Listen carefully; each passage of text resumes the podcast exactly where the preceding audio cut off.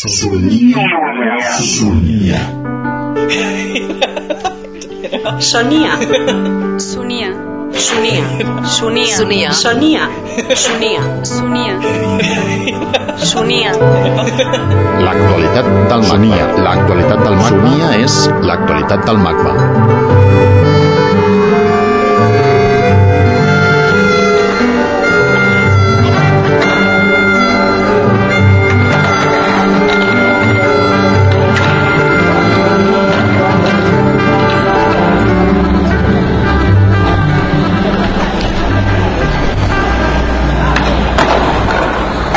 Trobades entre espècies, el feminisme darrere els ciborgs és el títol del seminari que Donna Haraway, doctora en biologia i professora de teoria del feminisme i tecnociència, ha dirigit al MACBA entre el 22 i el 24 de maig. seguint la línia de treball encetada ja per la Marató Post-Porno i el taller de tecnologies del gènere, el seminari se centra en l'anàlisi dels discursos crítics vinculats a la construcció de les nocions de gènere, sexualitat i raça a la societat contemporània.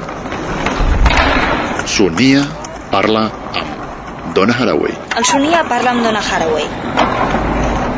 Ciència, tecnologia, gènere. in the in the history of thinking about gender from feminist points of view there has been a tendency to think at least symbolically that technology is associated with masculinity uh, and um, the body is associated with femininity that the body is women's domain and technology is the domain of the mind the domain of uh, power the domain of uh, those who exercise power in corporate, military, uh, so forth. Um, and from a very early in my life, I found that to be both partly true and not true in very important ways, and not true in ways that were very important to feminism. So that technologies, bodies, ways of knowing, ways of doing lives are always way more complicated than our ideological divisions into binary opposites. Informàtica de la dominació. From the beginning, the argument is that informatics and the technologies of informatics are not other, are not the outside, that they are us. And um, they're us in, at the level of, of the tissue of our bodies. They're not all we are, and they're not the same everywhere on the earth, but all of the earth is deeply shaped by these ways of organizing life in finance, in war, in business, in entertainment, in fantasy, in pleasure, in uh, kinds of expertise, in kinds of play.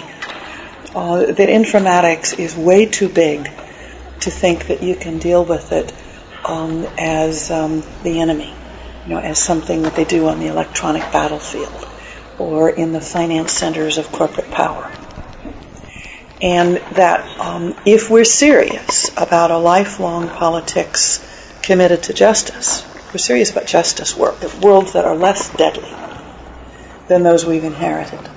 If we are in some sense part of the social movements that inherit freedom struggles, and there are many ways to inherit freedom struggles, and feminism, in all its complexities, is one very important way.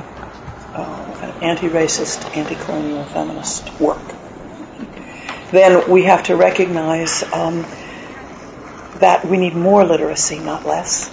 You know, we need uh, to be smarter, not dumber. We need uh, to be savvy, not stupid. we need to be able to make alliances where we didn't expect to be able to make them. We need to be able to be inside everything, as well as sometimes outside and in resistance. We need to be able to work for a lifetime in complex ways where not everybody can do everything, but we learn how to make an articulated um, political world that is less deadly than the one we inherited. Humà, animal. About the very material, fleshly, semiotic, meaningful bodies, that it's not meanings on the one side and bodies on the other, identity over here, bodies over there that these things are co shaping, that it's about the flesh, that the flesh is always also semiotic. So both Beatrice and I are very suspicious of the idea of social construction of the body, right? As if the body were some kind of clay tablet on which you write social identities. However, very suspicious of the division of nature and culture. Right? I'm very interested in the practices, the, what I call material semiotic practices, in their very um, specific historical configurations through which lives get made possible or impossible. Through it, some kinds of safety happens for some people, and some kinds of danger for other people. Like who gets raped, or who gets killed, or who's in a refugee camp, or who get you know, or who is safe looking sort of like a butch, sort of like a femme, sort of boy, sort of girl, who's safe enough to dare to look like that in the old city of Barcelona, and might that be different if you are the second generation child of a Moroccan? Beatrice, you know, and I'm both really interested in these questions of which kinds of bodies um, have which kinds of freedoms and unfreedoms. And it's at a chemical level as well as at the level of everything else. These aren't separated levels. Level's the wrong metaphor.